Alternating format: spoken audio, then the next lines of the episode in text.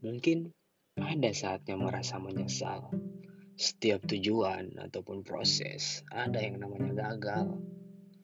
Di saat waktu terus berputar, banyak rintangan yang bakal kau dapat. Kadang-kadang kita akan frustasi sendiri kalau tak sesuai ekspektasi. Tapi jangan jadikan itu frustasi.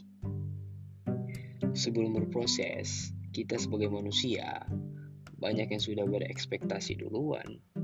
Alhasil, jika kita tidak sesuai dengan ekspektasi, maka akan layu dengan sendirinya. Lucu. Tapi ingat lagi, ingat, jangan jadikan itu sebagai rasa frustasi. Sampai-sampai bisa depresi. Hei, memang setiap insan tidak sama rupanya, wajah, pola pikirnya. Sampai-sampai banyak yang memberi solusi, tapi itu hanya sebatas kata, hanya sebatas kata yang singgah di telinga kita.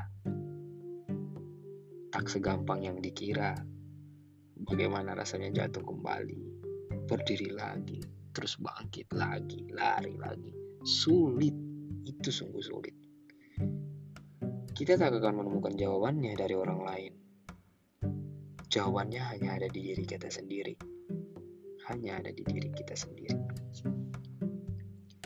Jadikan pengalaman gagal menjadi motivasi. Yap, habiskan jatah gagalmu. Itu kata-katanya Dalanis kan. Ingat Tuhan mungkin. Pesanku hanya ingat Tuhan dan keluarga.